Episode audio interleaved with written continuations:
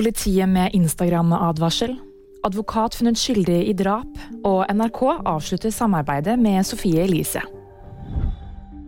Gjør Instagram-profilen din privat. Det oppfordrer politiets nettpatrulje i Øst politidistrikt torsdag kveld.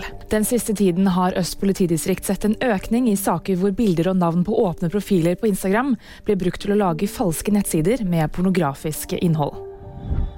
Den amerikanske advokaten Alex Murdoch er funnet skyldig i drap på sin kone og sønn.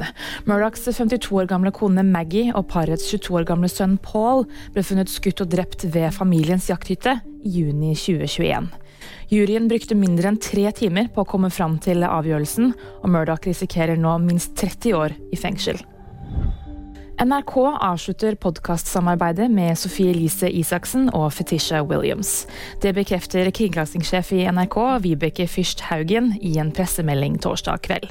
De siste ukene har Kringkastingsrådet mottatt over 4000 klager i forbindelse med det mye omtalte bildet som Sofie Elise la ut på Instagram.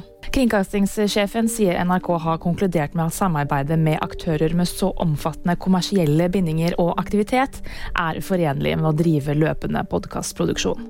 Det var VG nyheter, og de fikk du av meg, Anna Julie Bergesen.